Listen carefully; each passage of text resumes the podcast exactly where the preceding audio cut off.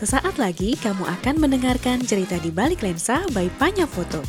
Podcast audio storytelling pertama seputar dunia fotografi. Selamat mendengarkan ya.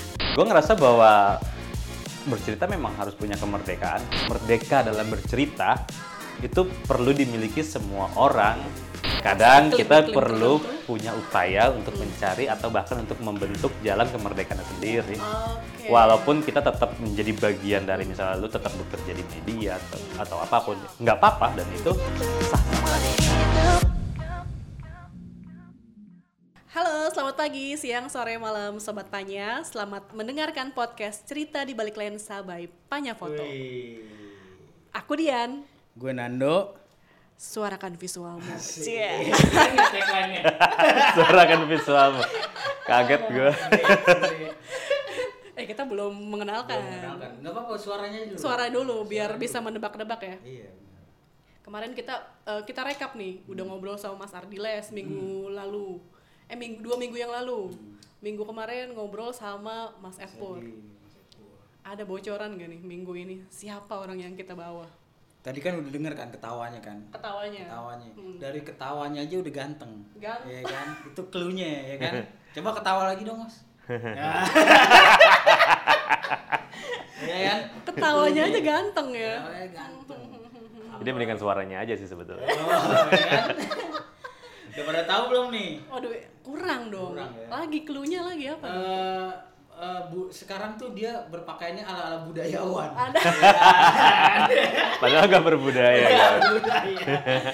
itu eh, s- jadi kalau kalian yang ngeh nih di skena fotografi dia tuh sekarang udah lebih ke budayawan Oh, budayawan, udah beyond. Beyond. Oh, luar biasa. konsep kayaknya itu mas Ya, Kinsey, Kinsey Tiwil.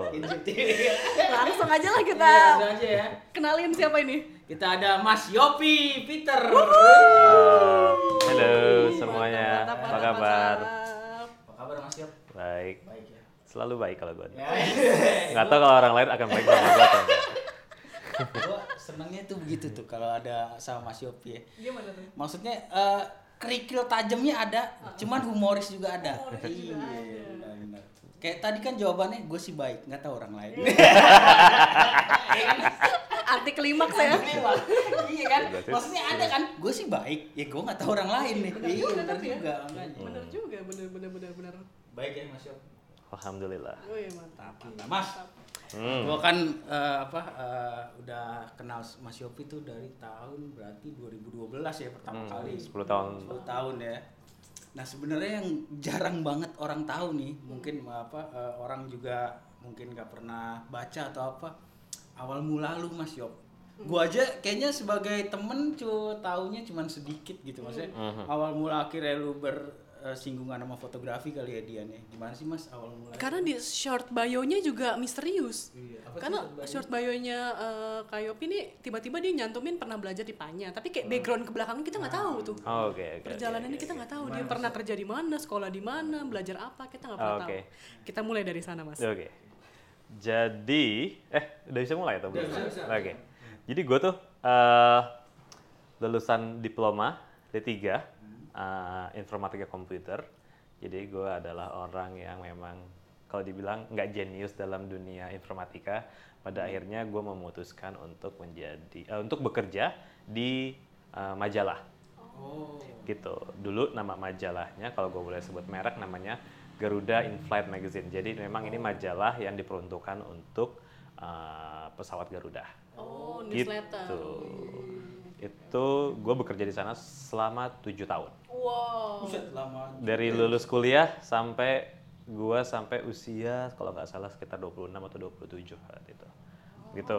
Ya, 27 gue eh 26 akhirnya gue memutuskan resign. Tapi gue belajar fotografi justru saat gue bekerja di sana sih, Dok. Jadi karena dulu gue hanya bekerja di bagian periklanan, jadi gua waktu itu tuh jabatan gue disebutnya uh, apa ya advertising coordinator. Jadi gue orang yang memanage iklan-iklan yang masuk dari sales, dari uh, dari sales, lalu dari dari agency, lalu s- sampai end up-nya ke produksi gitu. Jadi semua tanggung jawab material iklan ada di tangan gua saat itu. Nah dari situ gua itu akhirnya kan setiap bulan kita sebelum majalah untuk cet, eh, naik cetak kita memeriksa dami kan ya. Nah dari dami-dami itu akhirnya gua ngelihat banyak foto kan. Kan jadi kalau sudah dami kan sudah campur antara materi iklan dan materi majalah eh, artikel kan. Dari situ gua ngelihat tuh banyak foto-foto kok kayaknya berfotografi seru ya gitu. Karena memang gue dari kecil gue tuh orang yang seneng gambar. Jadi bokap gue orang yang memang mengajarin gue uh, gambar dari dari gue kecil deh dari gue TK kayaknya ya. Sampai sempet dulu rumah gue apa uh, rumah kontrakan kami sempet saat orang tua gua, orang tua gue pada pergi uh, gue mendekor rumah gue tiba-tiba dengan lukisan-lukisan yang kita punya. Ya, jadi memang insting insting insting menata visual kayaknya emang gue udah dari uh, dari zaman itu sih dari dari kecil lah kayak gitu. Tapi kan ternyata kenapa akhirnya gue uh, sekolah informatika juga sebetulnya itu uh, apa kecelakaan sih karena saat gue lulus SMA gue tuh punya impian mau sekolah seni. Hmm. Tapi karena gue mau kuliah yang yang yang ada di kepala gue referensi sekolah seni adalah kampusnya Fernando Oh iya, ini. oh iya. Dan punten teh harganya teh lumayan, lumayan bikin gua nggak mampu kan. Kita sama. Padahal itu nggak bagus-bagus banget sih. Karena nggak ada lagi aja sih. Jadi akhirnya ya akhirnya gua meredam uh, ego gua untuk gua uh, ke sekolah yang lain. Terus gua memutuskan ya udah lulus kuliah. Ternyata setelah gue lulus kok gue ngerasa memang gue nggak bisa bekerja di field itu sih. Jadi Hmm. ya udahlah gue pengen kebetulan memang di majalah kayaknya kerja seru. Ya udah. Keterusan tuh gue tujuh tahun kerja di sana. Gitu. Lama juga ya iya. ya, dan di tahun ke di tahun ke tujuh kalau nggak salah jadi setelah lima tahun gue bekerja gue akhirnya memutuskan beli kamera jadi saat itu masih zaman zaman fotografer.net Oh iya ya Nah, website itu, ya. Mas. jadi gue belajar-belajar foto dari sana, like, Sempet posting juga dong, Mas, dapat cabe ya? dapat cabe, Iya kan? Komen-komennya dapat tuh. komen-komen. Iya. Jadi zaman sebelum ada uh, smartphone, Iya. itu kami uh, bertemu dengan teman-teman di sana sih. Iya, Gue dari ber- bermainnya di di ranah fotografer.net dan Flickr. Dan jangan sedih, gue anak hunting banget. Masih ada nggak sih mas itu fotografer akun lu di akun gue Fotografer kayaknya nggak tahu ya kayaknya website itu sudah sudah Udah take down ya ya? terus lucu juga tuh. iya jadi gue orangnya hunting banget tapi gue hunting sendirian biasanya Oh, gitu. gue selalu mengimajinasikan diri gue sebagai seorang fotografer profesional saat itu Oh, dong iya, jadi saat gue punya kamera gue ngambil cuti Iya. biasanya gue ke Mentawai. Jadi dulu Mentawai itu belum belum terlalu kayak sekarang belum rame. Iya. jadi gue sempet ke sana berempat sama teman-teman gue gitu. Jadi gue mm, mm, apa ya memperlakukan diri gue sebagai seorang profesional fotografer saat itu gitu. Sok-sokan aja. Itu tahun berapa sih mas Yop? Gua, Pas itu, ya, itu- kerja di itu. kerja di majalah Oh, gue dari 2014 pokoknya eh 2004 2004 Buset, gua masih Masih. SD. Gua masih SD. SD gue. Gua SMA lah. Gua 2006 dulu. ya pokoknya 2004 gue lulus itu langsung gue bekerja di sana tujuh tahun Gokil.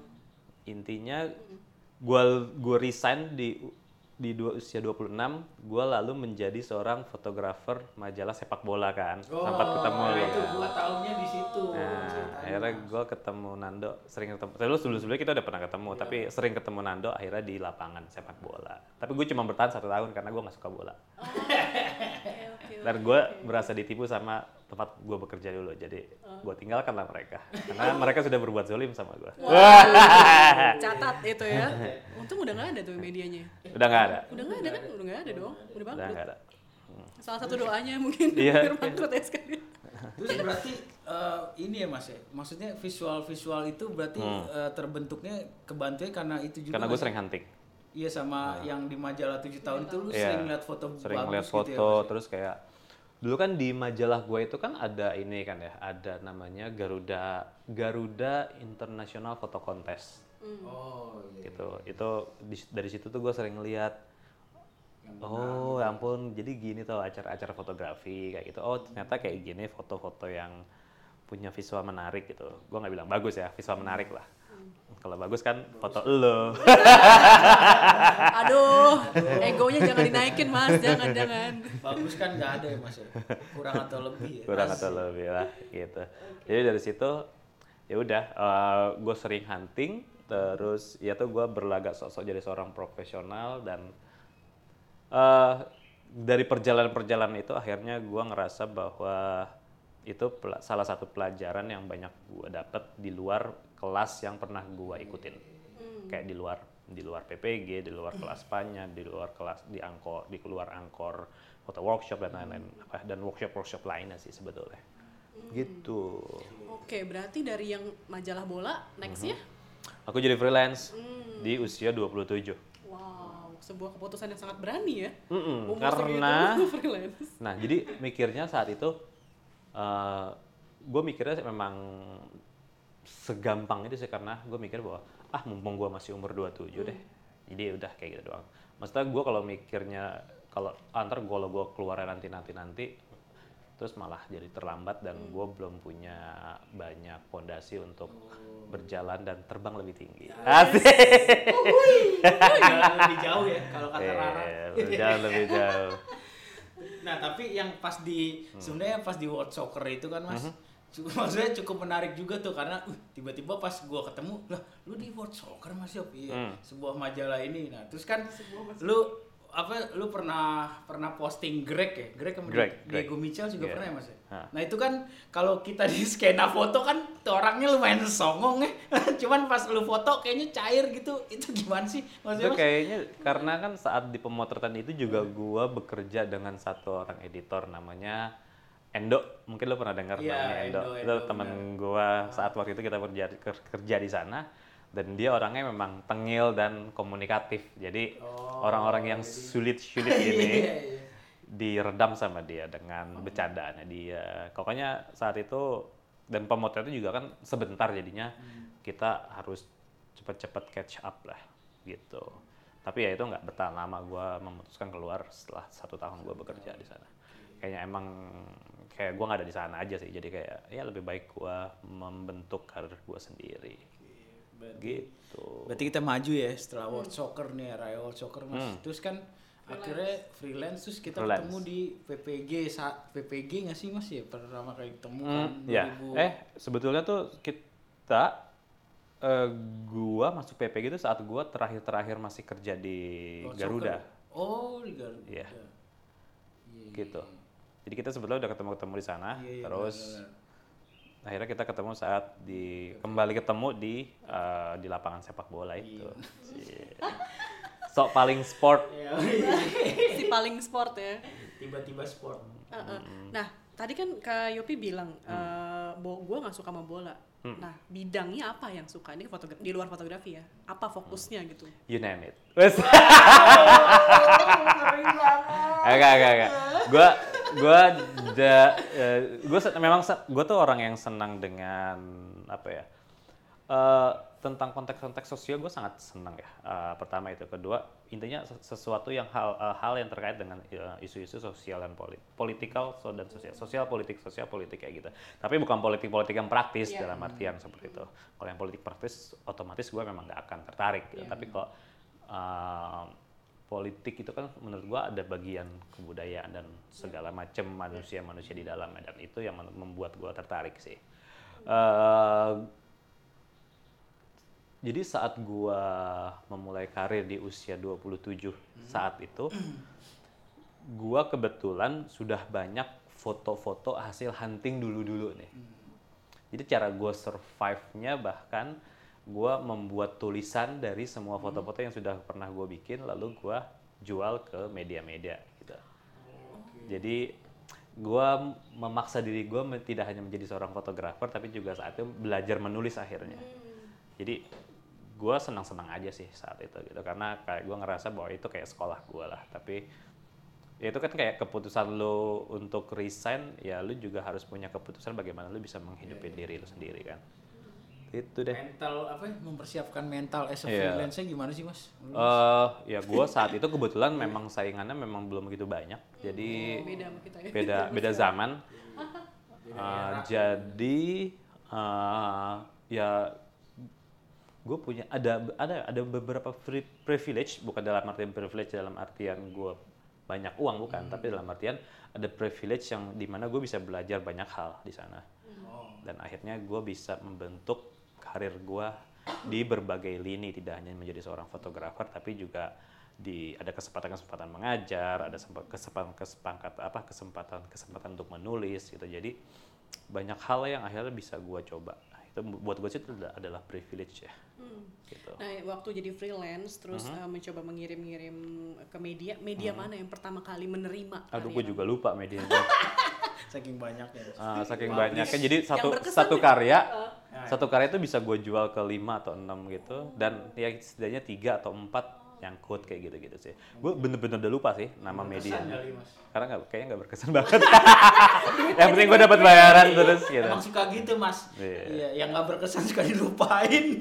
oh yang paling berkesan sih saat waktu itu gue lumayan kita ada beberapa fotografer teman-teman juga akhirnya kita dapat karena yang paling bayar bayarannya lumayan cuman si uh, destination Oh, tempatnya Mas Mas Christian yang Chris, pegang iya. gitu.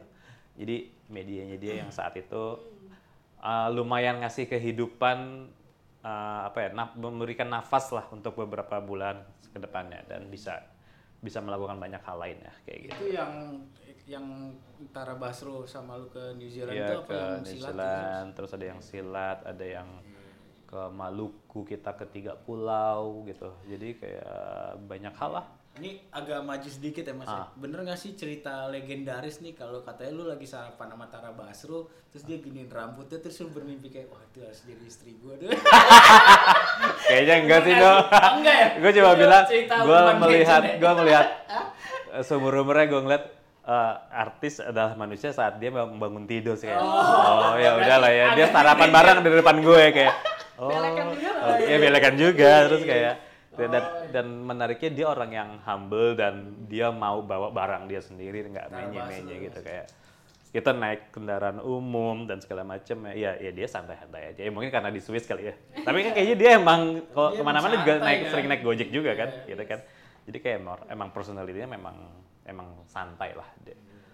dan kita orang-orang yang santai juga jadi kayak inline Cie. Nah, berarti kalau ngomongin destination, Mhm. berarti em Kak Yopi ini mengalami yang namanya dari Kok tadi Kak sekarang Kang sih? Kak, Oh Kak ya.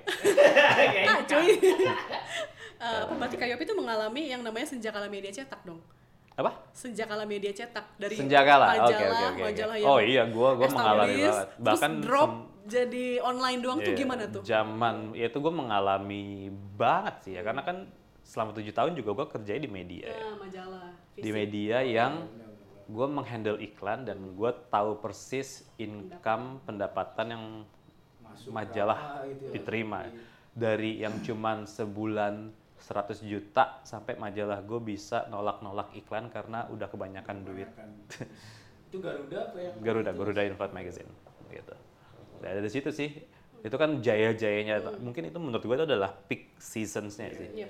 Tapi ya perlahan ada sosial media muncul dalam bentuk uh, mobile phone. Jadi itu kultur-kultur uh, media kan pada akhirnya mengalami evolusi. Dan itu juga ber- berpengaruh terhadap uh, platform-platform media ke depannya akhirnya gitu. Bahkan sampai saat ini banyak sekali media-media yang akhirnya memutuskan untuk tutup tapi juga memutuskan untuk tetap membuka. Tetapi apa ya itu jadi tantangan sih sebetulnya Sindo. Eh, karena di media-media yang tersisa gue kayak masih belum ngelihat media yang memang eh, memiliki apa ya karakteristik visual yang masih kuat kayak pada akhirnya jadi kayak nah, lemah di sana akhirnya gitu. Nggak tahu kenapa sih.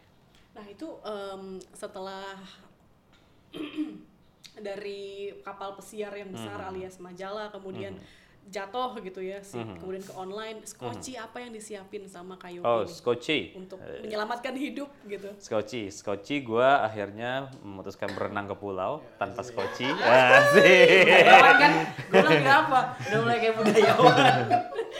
Apa itu Skoci? Iya, di skoci. tidak butuh metafor dia Iya. Berenang gue ke pulau, membangun rumah, membangun masyarakat, ya kan, kayak gitu.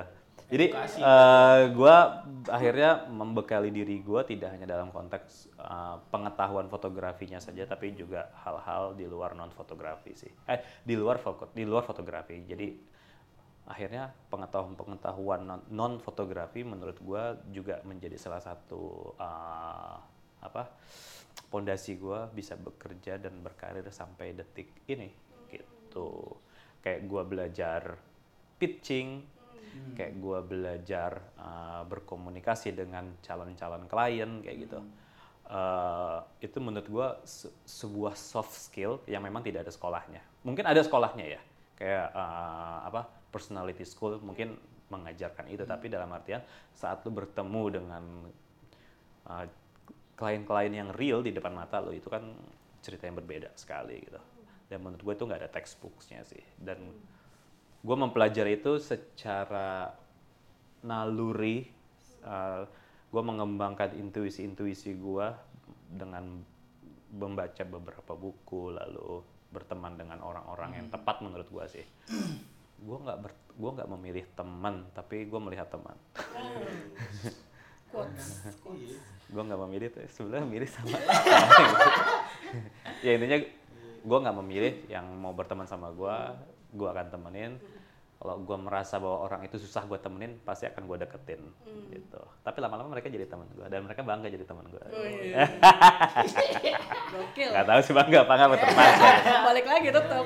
ya kan Kalau nah terus yang kayak soft skill gitu ya Mas ya. Soft Sebenarnya kan kayaknya menarik ya karena di era sekarang ternyata pitching-pitching apa segala macam itu ternyata yang paling di maksudnya lumayan perlu ya gitu. Terus kan perlu sih lu bilang dibangunin dari intuisi. Itu kira-kira prosesnya panjang apa gimana sih? Eh, Kira bisa ya. gitu. panjang sih dok Eh, bahkan ya eh, contohnya gitu contohnya sederhana aja gimana gue bisa belajar bahasa Inggris gitu ya ini gue kasih lagi tips nih gue belajar bahasa tips. Inggris itu memang kalau dari course kan ada. Tapi dalam artian gue biasanya akan membaca secara eh, oral itu teks-teks misalnya teks-teks di majalah teks-teks di koran itu gue membaca secara oral.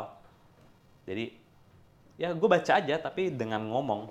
Nggak baca secara diam dalam hati gitu. Secara- nah itu kayak mempengaruhi kayak kepala gue walaupun pada akhirnya brain switch akan selalu terjadi saat kita ber- uh, ngobrol dengan uh, native speakers gitu. Jadi dari dari situ menurut gue uh, apa ya kita sebenarnya kayak punya uh, cara bertahannya masing-masing sih menurut gue jadi jangan pernah takut. Dan kayaknya lu harus percaya sama diri lu ya.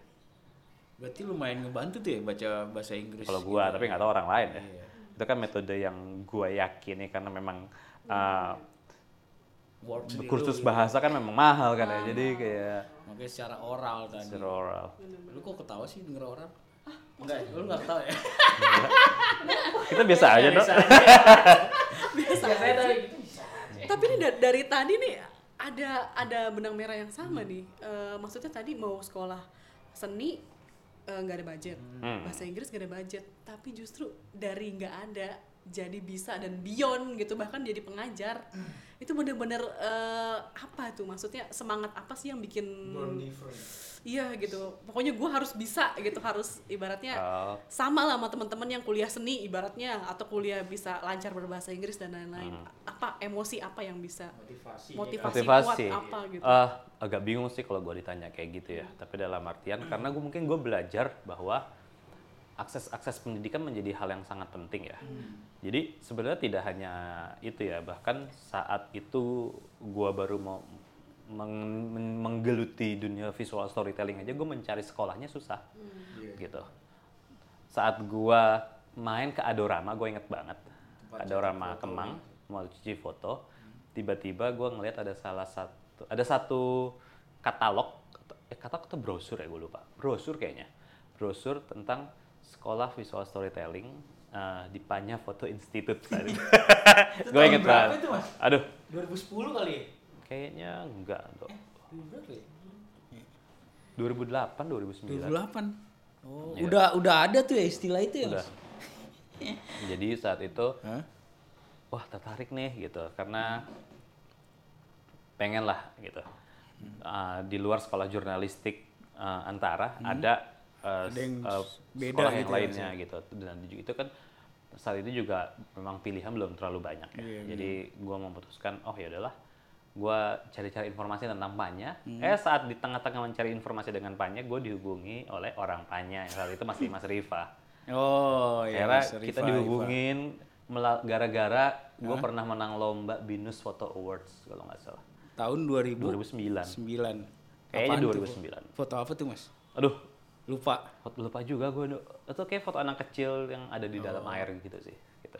nah dari situ tuh akhirnya kayak bagaimana gue bertemu dengan orang-orang Hmm. ini kayaknya sih uh, apa ya mungkin karena kalau lu baik sama orang kayaknya Emang udah ini kayaknya. emang udah dunia akan jalurnya baik ya, sama lu Mas? kali ya, Iya. gitu. Se apa ya kalau kita bilang tuh se bukan sedivisi apa sih sesirkel ya sefreku, se sefrekuensi benar Iya, mungkin gara-gara itu sih yang Hmm. menurut gua bisa membawa gua ke sana. Dan Hmm. dari situ menurut gua kenapa eh, edukasi menjadi hal yang sangat penting, Hmm. itu gua jadi eh, memang berangkat dari dari dari hal-hal yang sifatnya personal sih. Eh, gua nggak bisa sekolah seni, gua untuk kursus gua lebih milih kursus atau beli alat dan segala macamnya kayak gitu kan itu juga terbagi Ah, mas ya. itu kan ada konsentrasi Iya, konsentrasi konsentrasi-konsentrasi. finansial yang Iya, perlu benar. lu pikirkan kan jadi akhirnya ya udahlah kayaknya gue bisa sendiri kalau fotografi mungkin memang gue harus belajar di tempat yang benar gitu walaupun memang hunting melatih intuisi dan skill lo tapi kalau dalam ranah pendidikan yang sifatnya storytelling memang butuh ketemu expert sih jadi di tahun jadi sebelum gua masuk PPG itu akhirnya gua masuk Panya. Itu akhirnya kan pertama kalinya gue ketemu dengan Sasa Karch. Ya, dan dari situ eh, apa ya banyak hal yang bisa mengubah jalan hidup gua sampai hari ini sih. Dia kayak sebenarnya kayak mengucapkan hal kalimat-kalimat sederhana aja kayak kalau lu memang suka bercerita belajarlah untuk membaca gitu. Dan mencoba mengapresiasi uh, kebiasaan itu gitu. Dari situ gue mengubah kebiasaan gue untuk membaca karena gue dulu benci banget baca buku atau novel. Akhirnya gue memutuskan untuk membaca novel pertama gue tuh gue ingat banget bukunya Arundhati Roy yang judulnya The God of Small Things. Dari situlah semua berjalan nggak tahu tuh kayak ada ada apa ya kayak ada eh, sayap-sayap yang tumbuh di belakang aja Sulit bener kata anda budayawan, Budayawan ya. Budayawan, Budayawan. ya. Merangkap sastrawan juga nih lama-lama. Serawan. tapi sebenarnya kalau misalnya eh, Mas Yop kan karyanya tuh di gua tuh lu nempel banget ya yang gua suka kayak apa Saujana Sumpu tuh Mhm. bener-bener gua ngeliat wah gila sih maksudnya bisa fotonya bisa begitu maksudnya bisa ini nah cuman mungkin orang yang nggak banyak tahu tuh proses penciptaan karya lu yang Hmm. yang ini mas yang tawuran itu mas maksudnya Oke, oke. ketika lu dikelilingi sembilan fotografer dokumenter murni Hah? terus lu bisa kayak mau dengan ide kayak gitu prosesnya gimana itu mas Oke. karena gue ngeliatnya bilang wah ini Eh. different banget nih Well, I was different though. Sombong kan? Gak, gak, gak. Jadi sebetulnya tuh gue ngerasa bahwa bercerita memang harus punya kemerdekaan. Udah itu aja sih, Dok. Hmm. Karena memang mungkin saat itu gue freelance, gue punya privilege merdeka dalam bercerita gitu. Tapi gue ngerasa bahwa memang merdeka dalam bercerita itu perlu dimiliki semua orang gitu. Nah, tapi kan eh, merdeka eh, di- dimiliki semua orang. Tapi kalau negaranya nggak Hmm. Nah, support gimana? Atau Kadang kita iklim perlu tertentu? punya upaya untuk mencari atau bahkan untuk membentuk jalan kemerdekaan sendiri. Oke. Walaupun kita tetap menjadi bagian dari misalnya lu tetap bekerja di media atau, atau apa pun, nggak apa-apa dan itu sah-sah saja menurut gua for misalnya. making money gitu. Iya, why not gitu dan kenapa tidak? Walaupun memang gue juga nggak pernah bilang bahwa lu harus menjadi freelance untuk sukses. Bahkan untuk menjadi untuk sukses pun lu masih bisa untuk be- bekerja di di di media mainstream. Bahkan bekerja di dua kaki pun dan nggak apa menurut gue jadi kayak hal-hal kayak gitu sih uh, balik lagi ke individunya ya. Kalau mereka menurut gue mereka nyaman-nyaman aja ya kenapa tidak gitu. Uh, jadi menurut gue uh, kemerdekaan dalam bercerita itu yang menjadi uh, jalan ninja gue kayaknya sih dok Jalan ninja. Set. Gokil.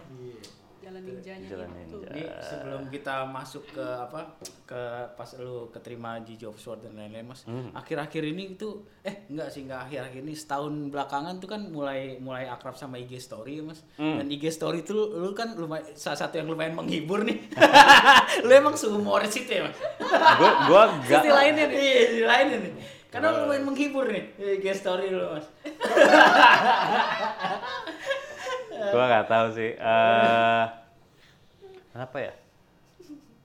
Gue nggak gue tuh kalau serius mungkin saat bekerja doang sih. Oh gitu ya. Oke. jadi misalnya kalau lo ngelihat gue di di di field di kerjaan gue seriusnya kayak orang nggak pernah apa ya nggak pernah kerja gitu. Oh, kerja, iya. serius banget kaku sekaku itu gue tapi kalau sudah lagi lowong dan segala macam. Gue nggak tahu kayak itu kayak didikan didikan didikan didikan gue ketemu orang kali ya. Jadi bahkan di rumah pun gue jarang bercanda sama orang rumah gitu. Iya.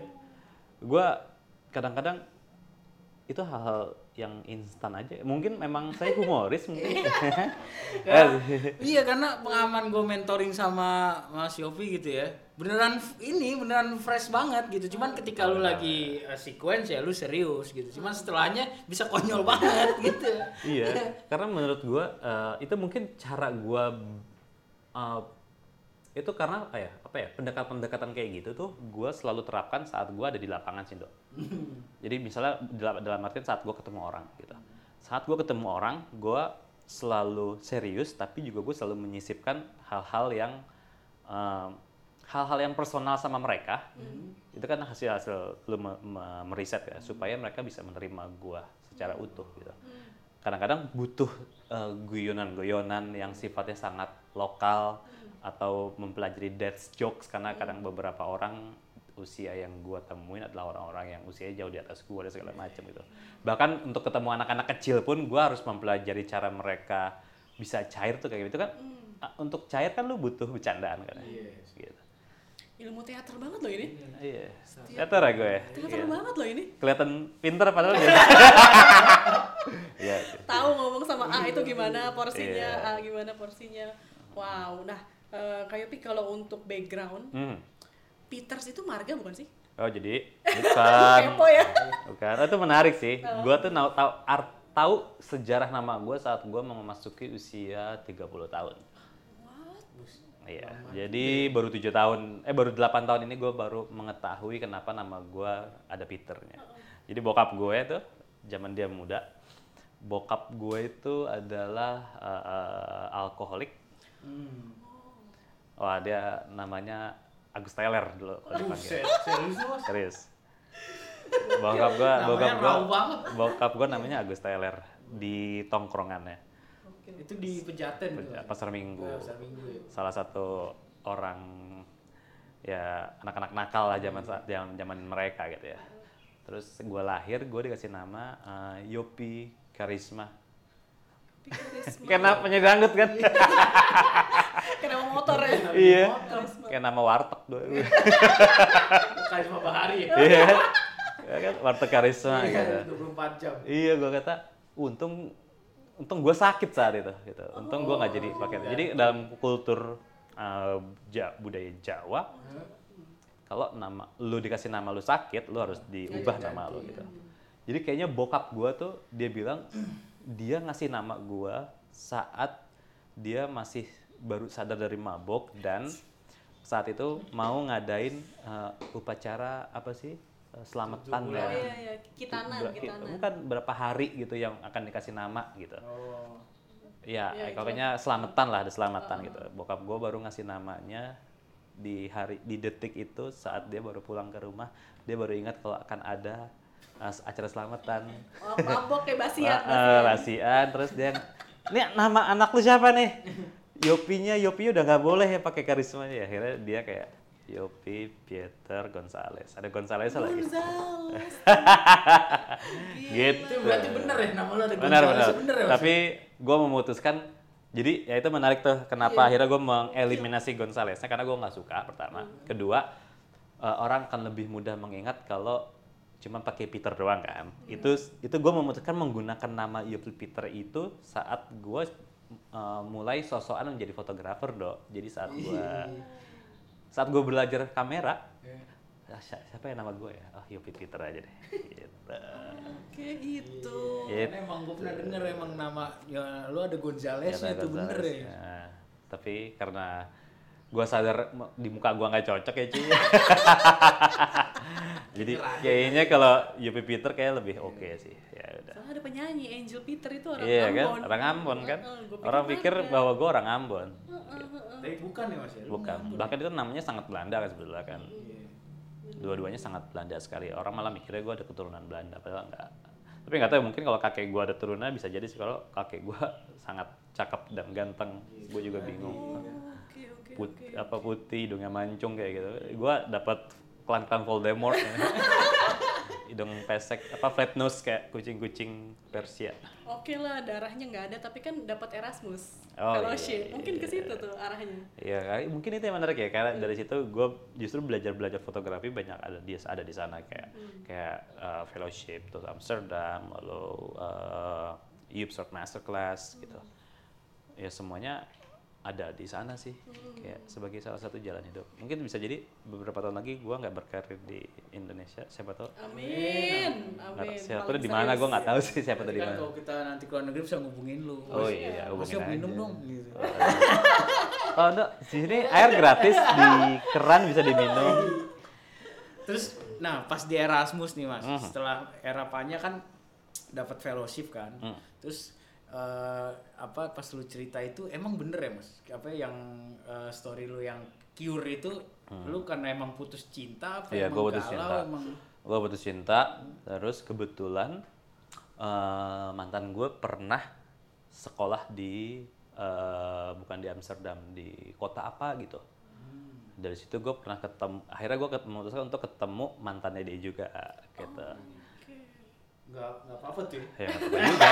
Gue ngelihat kamarnya kos-kosannya dia dulu gimana, terus nah, teman-temannya seperti apa, dan akhirnya kan dari cerita itu gue kayak ngelihat bahwa memang karena kan konsep cure yang di project gue itu adalah eh, relasi baru akan tumbuh, apa ya, hubungan baru akan tumbuh saat ada respect di antara kedua orang tersebut gitu atau ya di antara relationship itu itu sih.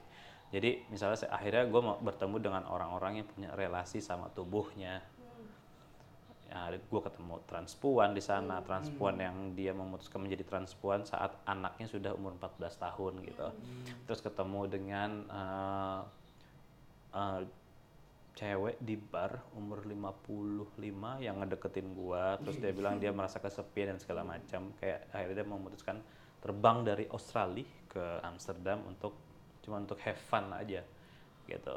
Terus itu kan cara dia respect sama dirinya ya. Terus ketemu dengan orang-orang yang eh, ada orang yang dia cuma ngasih makan burung merpati setiap sore untuk da- eh, lalu dia kayak jalan beberapa kilometer dari rumahnya kayak gitu. Jadi banyak hal eh, konsep-konsep respect yang pada akhirnya menjadi guide gua untuk apa ya bahwa cure itu bisa ditemukan di mana pun. Seperti itu sih. Jadi respect ya sebetulnya adalah pondasi yang paling penting gitu. Bahkan mungkin saat itu saat kita putus pun ya itu memang dilandasi oleh rasa hormat kita sama diri kita atau sama dia atau atau ya jalan hidupnya aja sih. Gitu sih. Mungkin kalau anak sekarang tuh healing ya. Healing healing. healing Hilang, healing, hilang, hilang. hilang dan healing. Asik. dan howling Tapi ngomongin soal tadi yang transpuan tuh menarik banget sih. Maksudnya nggak banyak fotografer Indonesia yang mengangkat itu, Ya, gitu ya, di tengah ya, ya, ya. iklim Indonesia yang lumayan eh, anti kan an- ya antipati betul sekali antipati dan juga patriarkis tentu saja. Ya.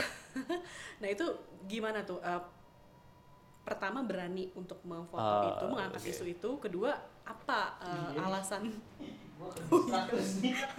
Sorry, semprotan ada hantu semprotan. Eh, itu kenapa Hmm. berani? Kedua, kenapa kamu berpihak gitu sama teman-teman minoritas? ya. Eh, buat gua sebenarnya tidak hanya transpuan yang yang dalam artian mereka eh, dalam ranah uh, minoritas gitu. Jadi menurut gue hal-hal minoritas bisa dimiliki siapa pun bahkan gua pun atau kalian pun atau siapa pun di sini sebetulnya kita bisa menjadi minoritas di ma di masyarakat yang sangat mayoritas ini gitu.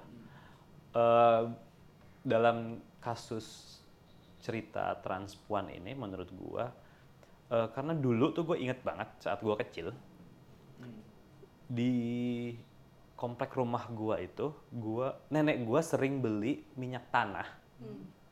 yang penjualnya dulu kan kalau minyak tanah jualnya dorong pakai gerobak ya, gitu ya. nyap nah, nyap gitu. Kalau jualnya pakai pakai gerobak yang jual adalah transpuan. Wow. Dia rambutnya panjang gue masih ingat banget namanya Mbak Ningsih gitu. Rambut dia tinggi tinggi dan menariknya katanya sekarang masih sehat gitu. Walaupun usianya sudah 70-an gitu.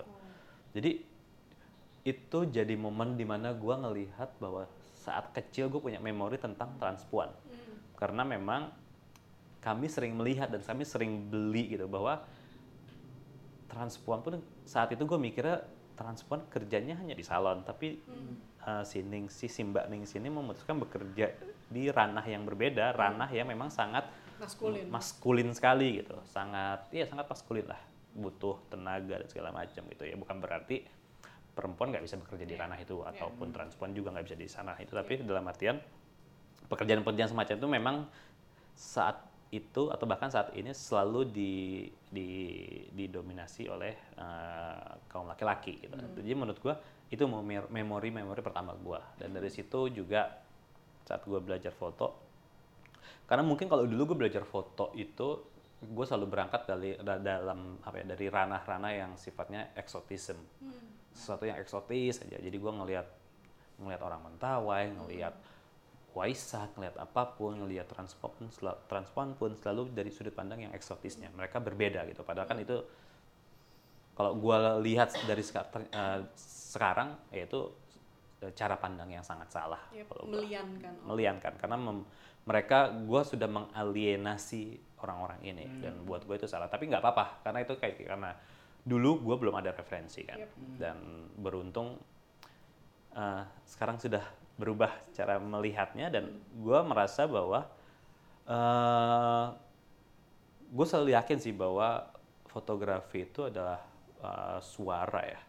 Dan suara yang kita ciptakan itu bisa bisa menjadi uh, hal yang membantu subjek-subjek gue ini atau bisa menjadi bisa jadi ini jadi jadi menciptakan uh, apa uh, stigma buat mereka mm. gitu kalau tidak dikemas dengan baik dan benar mm. gitu dan akhirnya kenapa cerita-cerita tentang orang-orang yang uh, hidup di zona-zona ini uh, penting untuk diceritakan sih mm. karena mereka juga nggak tahu kan mereka kan juga butuh butuh support system yep untuk menceritakan hal-hal yang tidak pernah atau tidak bisa ditemukan gitu hmm. oleh orang-orang mana pun. Tapi ya memang uh, kalau gue kalau dulu mungkin gue selalu uh, selalu bekerja selalu memikirkan dampak yang akan muncul sama buat gue. Hmm. Tapi sem apa ya semakin usia bertambah kali ya. Terus pertama itu yang kedua uh, eh, gue melihat ada urgensi-urgensi yang sangat penting. Contohnya dalam kasus cerita transpuan ini ya, pasti kalau lo membuat cerita tentang transpuan atau cerita-cerita lo uh, memiliki bentuk support terhadap kaum kaum minoritas, lo seakan dianggap menjadi bagian dari mereka gitu. Mm. Padahal nggak begitu juga sih. Uh, istilahnya you don't have to be an orangutan to make a story about orangutan lu cuma butuh menjadi apa ya menjadi orang yang punya empati aja sih. Iya, itu doang modalnya cuma empati doang menurut gua sih. Uh, lu nggak perlu menjadi uh, apa menjadi orang Jawa untuk bercerita tentang uh, kerajaan Jawa. Lu iya. nggak perlu kok. Cuma butuh rasa rasa tertarik pertama. Uh, ada ikatan emosional dan personal. Kedua yang terakhir ya memang butuh empati yang tinggi aja sih Hmm. Gitu. Oke. Okay. Nah, tapi menurutku selain empati juga perlu uh, apa pendekatan yang inklusif gitu. Ya. Misalkan aku dulu pernah nulis untuk bukunya bareng-bareng nulis bareng-bareng aliansi masyarakat adat. Hmm, Jadi untuk menuliskan mereka kami itu nulisnya bareng. Iya, Eh, kolaborasi. menulis bareng kolaborasi gitu jadi bukan perspektif aku yang em, menatap mereka tapi perspektif kita bersama gitu jadi aku e- e- lebih ke editornya sih tapi Iya, aku juga iya, menulis iya. gitu nah kalau eh, kamu sendiri proses kreatifnya gimana tuh Nah, kalau yang di jadi di beberapa project aku sebenarnya mungkin ini yang membentuk aku menjadi pribadi yang nggak bisa bekerja di dunia apa ya seperti teman-teman jurnalistik yang kerja di harian ya. Karena kalau di harian kan memang dituntut mereka dituntut untuk bekerja satset cepat untuk dapat foto langsung produksi gitu. Gue mungkin nggak bisa di ranah seperti itu karena jadi akhirnya gue melihat bahwa oh mungkin kekurangan gue gue nggak bisa di ranah itu ya. Gue ngelihat bahwa cara kerja gue ternyata memang cocok diterapkan di eh, cara kerja eh, yang seperti ini gitu bercerita yang sifatnya slow dan reflektif sih menurut gue pada akhirnya gue eh, melihat subjek-subjek gue ini tidak hanya sebagai subjek tapi juga jadi menjadi teman-teman diskusi sih. Teman diskusi dan teman-teman kolaborasi akhirnya gitu. Jadi misalnya kayak dalam contoh transpuan ini gitu. Eh, bahkan pendekatan yang gue gunakan memang portrait tour pertama kedua pendekatan yang sifatnya eh, sedikit eh, fashion karena gue pengen melihat diri mereka dalam ranah-ranah juga yang berbeda gitu. Walaupun gue memotretnya di di di sekitar mereka. Bahkan ada yang di kamar ada yang di rel kereta ada yang mereka baru mau berangkat ngamen segala macem gitu. Intinya saat sebelum gue memotret gue selalu bilang lu mau direpresentasikan seperti apa sih? Gitu. nyamannya karena jangan sampai ada uh, kekeliruan dan lain sebagainya gitu. Dan dari situ juga gue menyertakan concern letter. Itu penting. Uh, jadi ada bukti bahwa kami memang bersepakat seperti ini gitu. Jadi eh apa ya ada layer-layer yang sifatnya sangat teknis dan eh, harus disiplin sama dokumen terkait sih. Itu jadi penting ya menurutku dan subjek-subjekku ya akhirnya ya mereka adalah rekan-rekan kolaborasi sih itu aja Oke, nah sebelum ke consent letter tadi eh, Kak Yofi, Hmm. maksudnya sebelum mereka mau menanda, menandatangani, Mhm. pasti kan harus ada. Misalkan aku transpuannya gitu, aku Hmm. merasa minoritas dan aku terancam kalau keberadaanku Oke, oke, dituliskan oke. gitu. Ya, ya, ya, ya, ya. Sebelum aku menandatanganinya, bagaimana caranya Kak Yofi membuat dia percaya dan nyaman untuk oke. diceritakan? Ya. Nah, jadi biasanya gua itu eh, datang dengan eh, kejujuran 1000%. Hmm.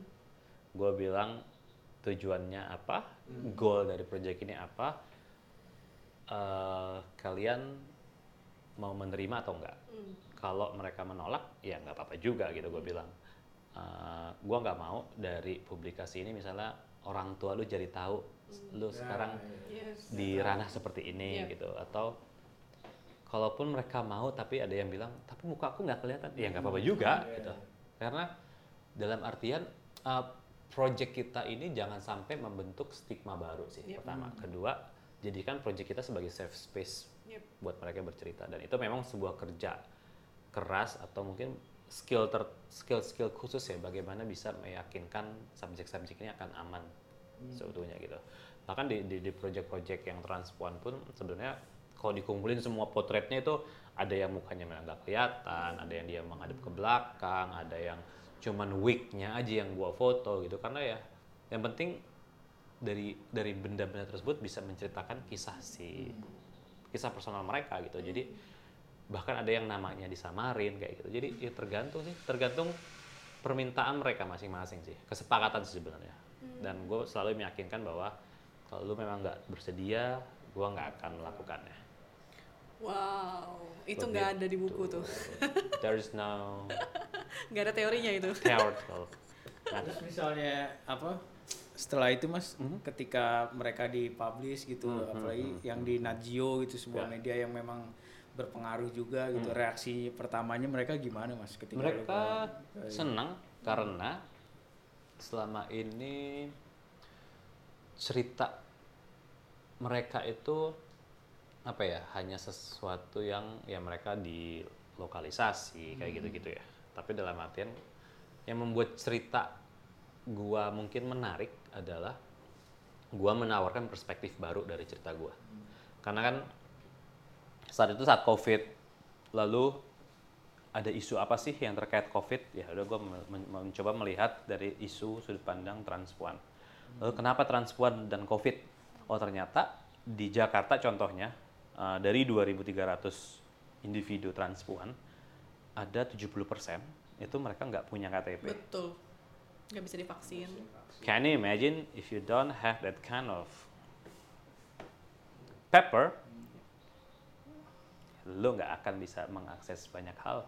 Betul. Kesehatan betul. uh, apa bantuan pemerintah. Bansos gitu gitu ya. Hmm. banyak hal lah.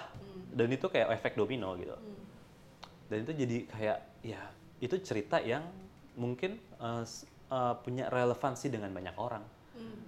ternyata dari terima kasih terhadap covid akhirnya permasalahan KTP dalam di komunitas transpuan akhirnya setelah ada publikasi beberapa publik- publikasi dalam artian gue nggak bilang gara-gara project gue pemerintah memutuskan membuka akses gitu tapi dalam artian bisa jadi project gue dan project-project orang lainnya yang muncul bersamaan kayak memberi sentilan-sentilan ke orang-orang yang memiliki kebijakan gitu. Akhirnya di bulan kalau nggak salah di bulan Mei 2021 akhirnya. pemerintah Indonesia membuka akses terhadap teman-teman. transpuan untuk bisa mengakses KTP walaupun praktiknya secara prakteknya di lapangan ya tetap aja ada berat Iya. batu kerikil-kerikil. Itu buat gua sih wajar sih karena ya mungkin mereka juga memiliki trauma-trauma tertentu ya untuk bisa mengakses itu gitu. ya itu balik lagi ba- pada akhirnya uh, kekuatan komunitas lah yang akhirnya bisa memfasilitasi mereka gitu.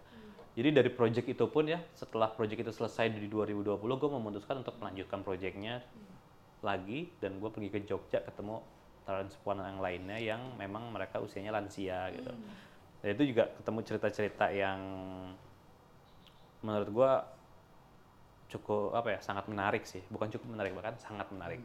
Gue ketemu lansia yang transpuan yang lansia yang usia 70 baru dapat KTP oh my god. Ada yang akhirnya meninggal KTP-nya baru keluar. Itu kayak wow banyak banget layer-layer di apa ya di ranah di ranah-ranah dokumen penting ini yang pada akhirnya luput dari perhatian pemerintah. Begitu. Jadi menurut gue sih eh ya di Indonesia memang penuh tantangan lu menceritakan eh, orang-orang yang hidup eh, di ranah apa ya ya di layer-layer eh, ini tapi bukan berarti lu tidak bisa menceritakannya gitu.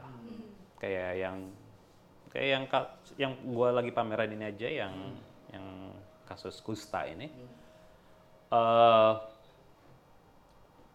ini kan cerita-cerita semacam ini mungkin nggak pernah muncul di media-media mainstream ya karena seperti kita tahu kalau di pulau tersebut di Sumba itu kan memang dikonsentrasikan untuk pariwisata dan segala macam ya. Mungkin itu mungkin hanya asumsi gua akhirnya angka-angka orang yang memiliki kusta akhirnya di apa ya sangat rendah gitu. Bahkan gua ngecek di dat- data datanya dinas kesehatan kementerian kesehatan di BPS itu hanya tiga orang di tahun 2021 but in fact itu dari data yang dimiliki Sumba Foundation aja dari orang-orang yang cuma datang bukan dia nggak melakukan ke masyarakat ya beda. Mereka orang-orang ini datang yang punya keluhan penyakit kulit itu ditemukan 28 orang. Lo bisa bayangkan kalau itu dilakukan ada apa ya, parachute pendataan ke semua masyarakat mungkin ada seribu orang kali ya. orang kali ini. wow Tuh. Jadi Jadi masih pameran ya masih. masih masih pameran sampai tanggal 20 November, tapi kayaknya Sudah kalau ya kalau kalian mau ngelihat detailnya sebenarnya ada di websitenya sih. Hmm.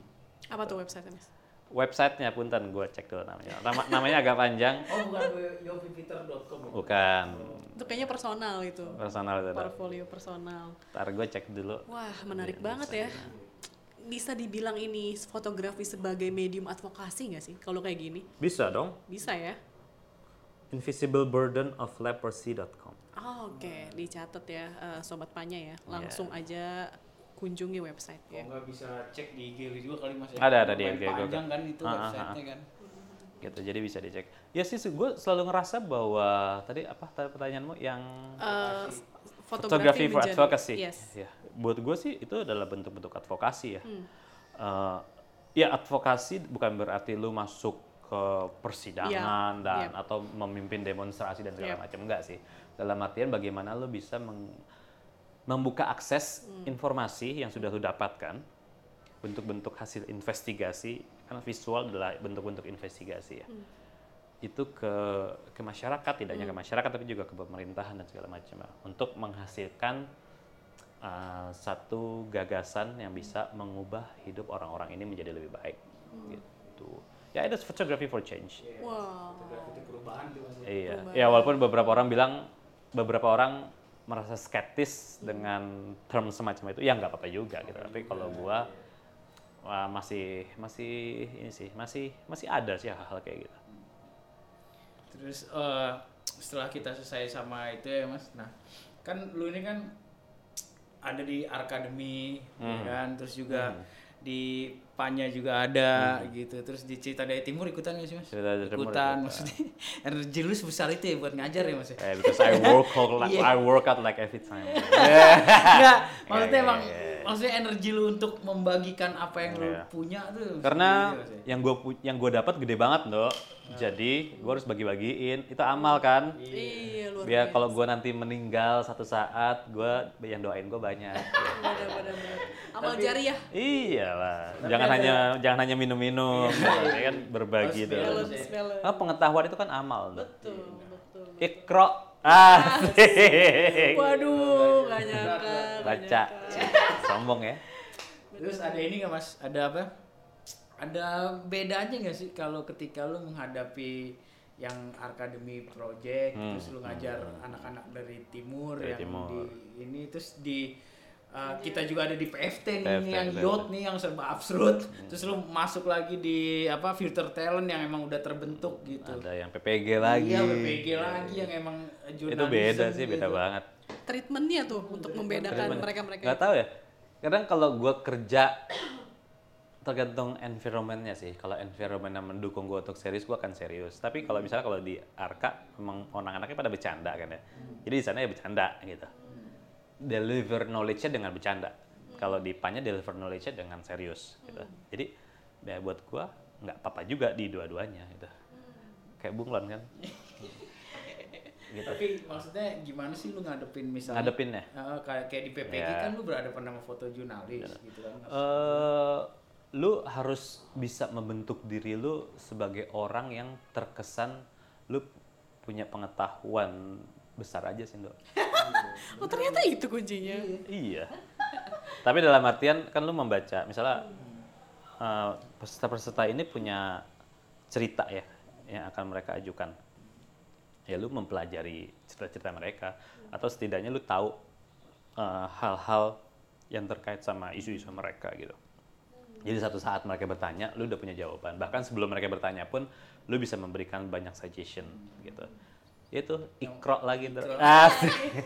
Tapi Siraman kalau rohani nih. kalau dari lu Mas yang paling menarik yang mana tuh? Maksudnya apakah PPG sih. PPG. Iya. Malah PPG. Why, Iya. why, why? Why? Karena pesertanya kan memang jurnalis yang bekerja rata-rata untuk media mainstream Iya. gitu. eh ini sebagai bentuk langkah gua mengubah skema eh, fotografi di ranah-ranah yang memang bekerja di profesional sih. Gitu. Ya mungkin gua nggak bisa jadi eh, ketua apa dan memang gue juga kayaknya nggak mau sih jadi ketua-ketua apa gitu. Nggak kayak gue nggak bisa. Ceria-ceria, Ah, Paguyuban fotografi Indonesia ya atau apa. Gue kayaknya Majelis. Indonesia. Kayaknya gue nggak bisa, dan gue kayaknya nggak bakat. Fotografi. Ah, ah. Mungkin itu cara gue meng- meng- meng- mengubah skema-skema itu dengan pengetahuan yang gue punya kan apa ya menurut gue sih pengetahuan yang gue punya eh, beberapa bisa diaplikasikan ke eh, orang-orang ini gitu Hmm, hmm, hmm. gitu dong. Tapi penting banget ya maksudnya dulu sebelum di Panya ya gue lima tahun kan jurnalis. Bagaimana gue pun sekolahnya jurnalistik gitu di kampus maupun di profesi itu sama sekali Mhm. nggak ada uh, uh, training gitu ya khusus misalkan menulis berita secara inklusif. Ya. Critical thinkingnya nggak digali. Jadi menurut gue orang-orang mentor-mentor seperti beliau inilah Beliau, Beliau. tua banget. pakai W beliau beliau beliau inilah yang eh, apa maksud gue yang bikin salah satunya pu- menurut gue punya impact gitu ya. Eh, kalau di jurnalis kan ada aji gitu. Gue pernah bikin liputan yang cukup inklusif karena belajar di aji gitu. Karena kalau di media mainstream jurnalis independen. Independen. nah kalau gue eh, ngikutin arus media gue doang nggak akan gue bisa nulis Iya. berita seinklusif itu. Jadi Iya. butuh orang-orang seperti Mas Yopi. Ya mungkin juga karena gua kan memang nggak ada ikatan dengan ini ya, dengan instansi tertentu istilahnya gitu. Iya. Jadi gua ngomong apa, gua nggak ada rasa bersalah sih. Kayak aduh nanti perusahaan gua akan seperti ini nggak ya gitu. Iya. Bahkan di kelas yang mereka berasal dari media-media mainstream pun gue selalu meyakinkan bahwa apakah cerita-cerita semacam ini akan membuat hidup lo akan lebih sulit atau gimana nih gitu kalau lo membuat hidup lo semakin sulit dan ribet ya jangan gitu oke wow gila daging semua ini isinya. Lagi sudah satu jam. Satu jam nih. wow. Sobat Panya dengerin kuliah umum dari Mas Yopi. Dosen kita ya. Kalau terakhir ya, terakhir nih mas, kan kita tahu ya, sebuah apa, sebuah prestasi yang bergema dan menggelegar luar biasa nih, ya kan? Ketika lu akhirnya menjadi juri di kejuaraan dunia fotografi jurnalistik, ya kan? Iya kan? Tuh, mungkin terakhir ya lu gimana sih mas ceritain sedikit lu mengkurasi itu namanya yang nama-nama ya mungkin nama-nama besar nama-nama berbakat kayak gitu Iya, iya. Nah, kita kan nggak tahu ya prosesnya kalau Proses gitu. kreatifnya, proses Ah, berpikirnya, pertimbangan-pertimbangan Iya. apa tuh yang Oh, pertimbangannya banyak sih pertimbangan secara konteks pertimbangan ya. Pertama, gua harus mengeliminasi eh, konflik of interest sih. Hmm, Karena karena gua dari Indonesia dan beberapa dan submission dari Indonesia cukup lumayan mendominasi. Hmm. Dan walaupun gua nggak melihat sama mereka tapi dari karya mereka gua bisa mengenalnya. gitu ya kalau memang tidak bisa bertemu dengan uh, standar yang gua punya atau yang di penjurian punya ya gua harus mengeliminasi sesederhana itu. Ya gua harus menutup mata sih. Tapi dalam artian itu juga harus profesional kan. Tapi kalau ada yang memang karyanya bagus dan layak diperjuangkan gua akan memperjuangkan.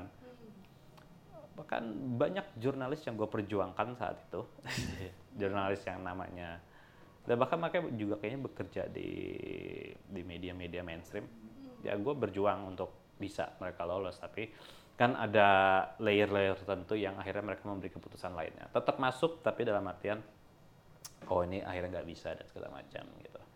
Eh, selalu ada kuota-kuota sih kayak gitu. Dan pertama yang kedua dalam konteks visual mungkin itu juga jadi eh, jadi tantangan karena nggak tahu ya, either tantangan atau sebuah informasi gitu. Jadi lu bisa memetakan nih kalau dari Indonesia mostly bentuk visualnya kayak gini gua nggak tahu apakah ini hasil hunting bareng atau pola pendidikan, kurikulum. pola pendidikan, kurikulum atau metode kerja yang